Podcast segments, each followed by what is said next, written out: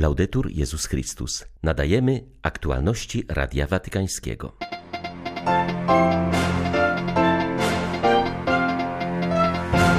Społeczne nauczanie Kościoła to nie teoria, ale styl życia, który tworzy społeczeństwo na miarę godności człowieka, mówił papież na audiencji dla Fundacji Centesimus Annus. Z dwudniową wizytą do Kijowa udał się kardynał Matteo Zuppi, specjalny papieski wysłannik w sprawie misji pokojowej na Ukrainie. Apeluję do sumienia społeczności międzynarodowej, zróbmy wszystko, aby rosyjscy oprawcy nie zabijali już ukraińskich dzieci, powiedział arcybiskup Światosław Szewczuk w cotygodniowym orędziu wojennym. 5 czerwca wita Państwa Krzysztof Bronk. Zapraszam na serwis informacyjny. Trzeba zabiegać o przyszłość, której dla każdego będzie miejsce, powiedział papież na audiencji dla członków Watykańskiej Fundacji Centesimus Annus Pro Pontifice.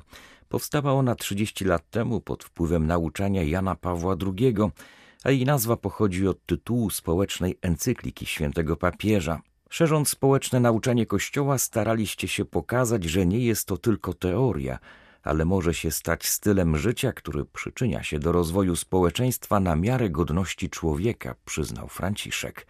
Zauważył, że przez ostatnich 30 lat centralne miejsce osoby, dobro wspólne, solidarność i subsydiarność to pojęcia, które zostały przekute w konkretne działania i stały się inspiracją dla wielu ludzi. Franciszek w sposób szczególny podziękował Fundacji za zaangażowanie w szerzenie jego osobistego wkładu w rozwój nauki społecznej. W adhortacji apostolskiej Ewangelii Gaudium chciałem ostrzec przed niebezpieczeństwem rozwijania gospodarki w niezdrowy sposób.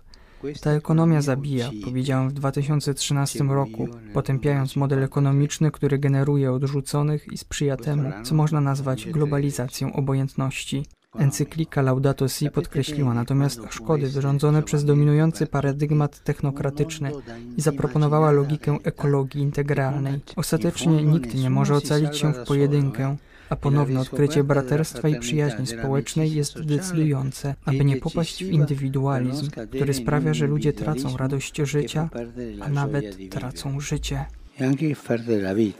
Franciszek odniósł się również do tematu rocznicowego kongresu Fundacji Pamięć dla budowania przyszłości, myślenie i działanie w kategoriach wspólnoty. Zauważył, że są to słowa, które wypowiedział w 2014 roku w przemówieniu do ruchów ludowych, apelując o faktyczną promocję solidarności. W spontanicznie dodanych słowach Franciszek przyznał, że przywodzi mu to na myśl słowa Jezusa, który ostrzega, że nie można służyć Bogu i pieniądzom.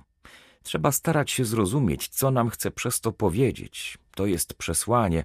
Albo służysz Bogu, albo jesteś sługą pieniędzy i nie jesteś wolny, dodał papież. Dzisiaj przemawiając do Was i myśląc o tytule, który wybraliście, chciałbym dodać coś, co przeczytałem u wielkiego włoskiego prawnika Paola Grossiego, który był również prezesem Trybunału Konstytucyjnego i który zmarł w zeszłym roku. Powiedział on, wspólnota jest zawsze ratunkiem dla słabych i daje głos nawet tym, którzy nie mają go wcale.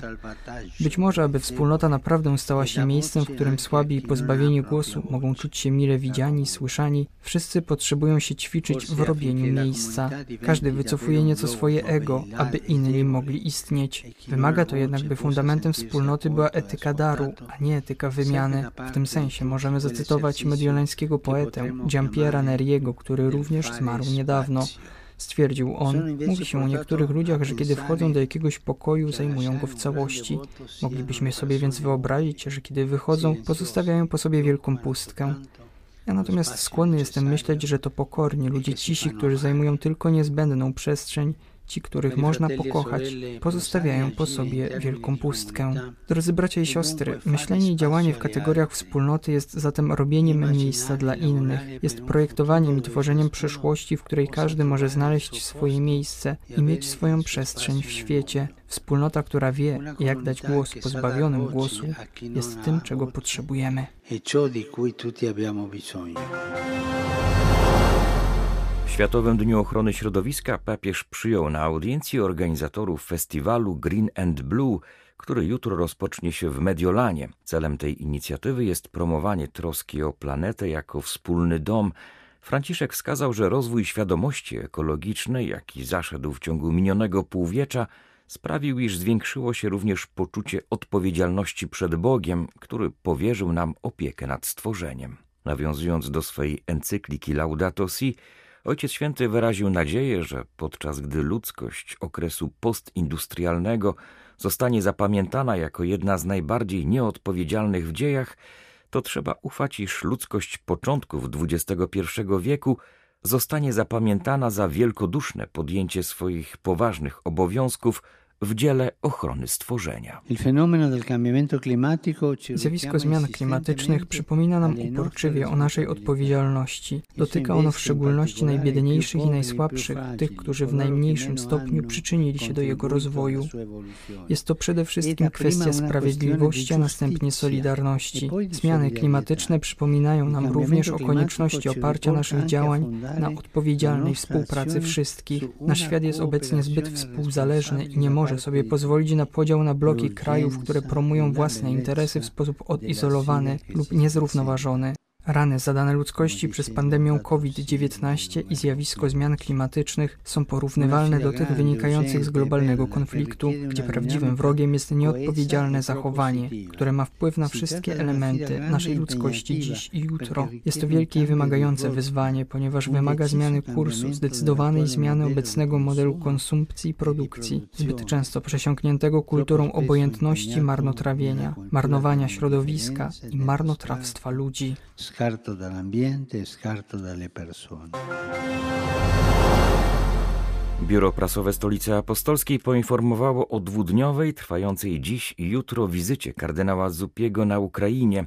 Ponad dwa tygodnie temu Franciszek powierzył mu pokojową misję, której celem miało być złagodzenie napięć w konflikcie na Ukrainie, w nadziei na uruchomienie procesów pokojowych. Kardynał Matteo Zuppi nie należy do watykańskiej dyplomacji. Stoi on na czele episkopatu Włoch i jest związany ze wspólnotą świętego Idziego. Komunikat z 20 maja precyzował jednak, że jego misja została podjęta w porozumieniu z watykańskim sekretariatem stanu. Jak dziś wskazuje biuro prasowe Stolicy Apostolskiej, kardynał Zuppi udał się do Kijowa jako wysłannik Ojca Świętego.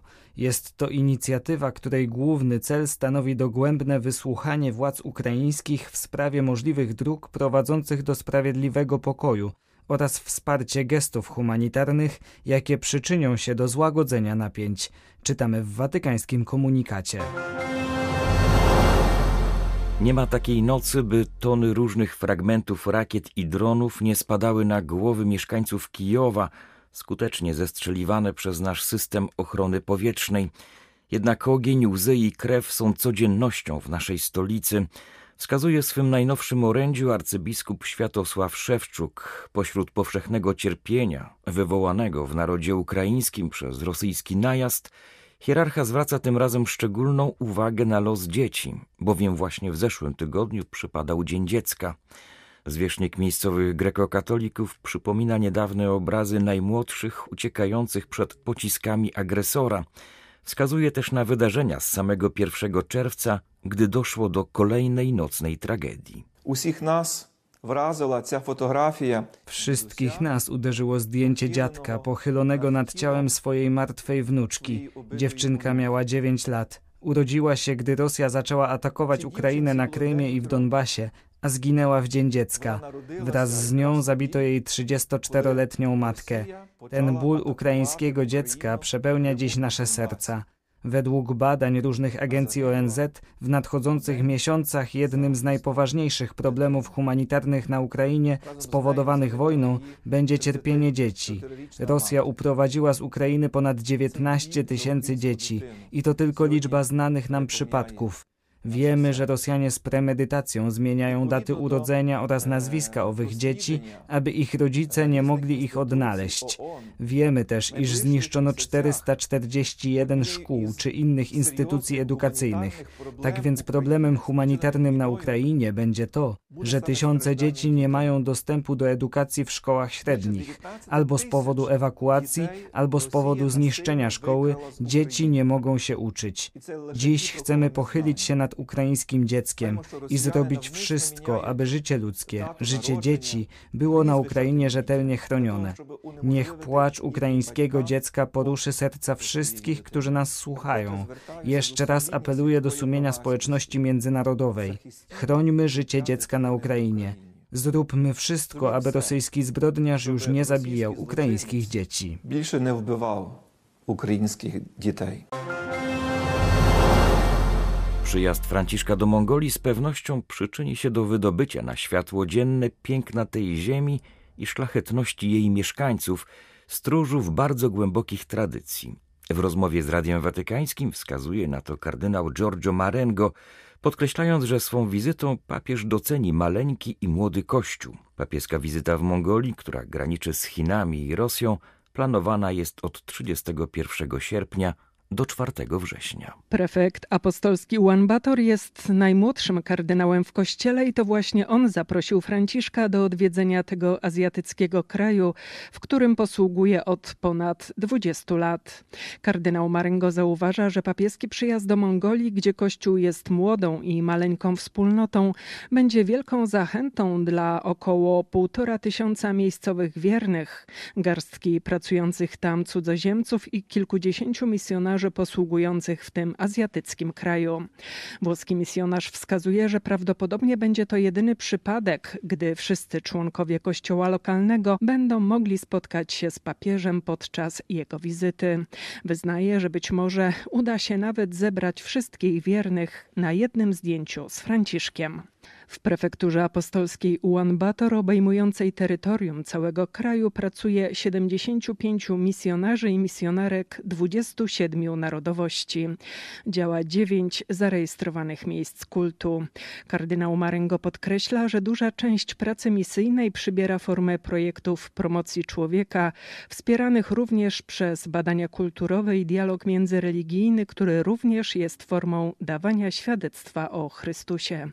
Hierarcha zauważa, że wspólnota w Mongolii przypomina kościół pierwotny, czego wyrazem jest innymi silne poczucie więzi, spontaniczne braterstwo i duchowa świeżość. Młodzi otrzymają w Portugalii ciepłe przyjęcie, ponieważ gościnność jest w naszym DNA, mówi biskup Americo Aguiar, przewodniczący fundacji organizującej Światowe Dni Młodzieży w Lizbonie. Dodaje, że Portugalczycy chcą się także odwdzięczyć za serdeczne przyjęcie, z jakim spotkali się w Panamie, Polsce, Brazylii czy Hiszpanii. Obecnie trwają dwa procesy związane ze zbliżającym się wydarzeniem. Kończy się peregrinacja po Portugalii Krzyża Światowych Dni Młodzieży i ikony Salus Populi Romani oraz trwają końcowe prace w obszarze logistycznym. Zarejestrowało się już 600 tysięcy osób. Współpracujemy z władzami i robimy wszystko, by dać młodym pielgrzymom pozytywne doświadczenie spotkania z rówieśnikami z Bogiem, co pomoże im spełnić ich życie, mówi biskup Aguiar. Wskazuje, że Portugalia jest kulturowo powiązana z niektórymi państwami afrykańskimi, amerykańskimi i azjatyckimi. Dlatego też szczególnym pragnieniem organizatorów jest, by mogli przybyć młodzi ludzie z tych krajów. Dla nich utworzono program wsparcia pod nazwą Siostrzane Kościoły. Drugą szczególną grupą będą młodzi z krajów ogarniętych wojną. Dla nich Światowe Dni Młodzieży będą okazją, by zademonstrować sprzeciw wobec wojny. Hierarcha podkreśla również wdzięczność Portugalczyków za hasło tegorocznej edycji Maryja wstała i poszła z pośpiechem. Matka Boża jest im bowiem bardzo bliska, także ze względu na objawienia w Fatimie. Jest ona znakiem wychodzącego kościoła, który wstaje, by nieść Chrystusa aż po peryferie geograficzne i egzystencjalne, zaznacza biskup Aguiar. Były to aktualności Radia Watykańskiego. Laudetur Jezus Chrystus.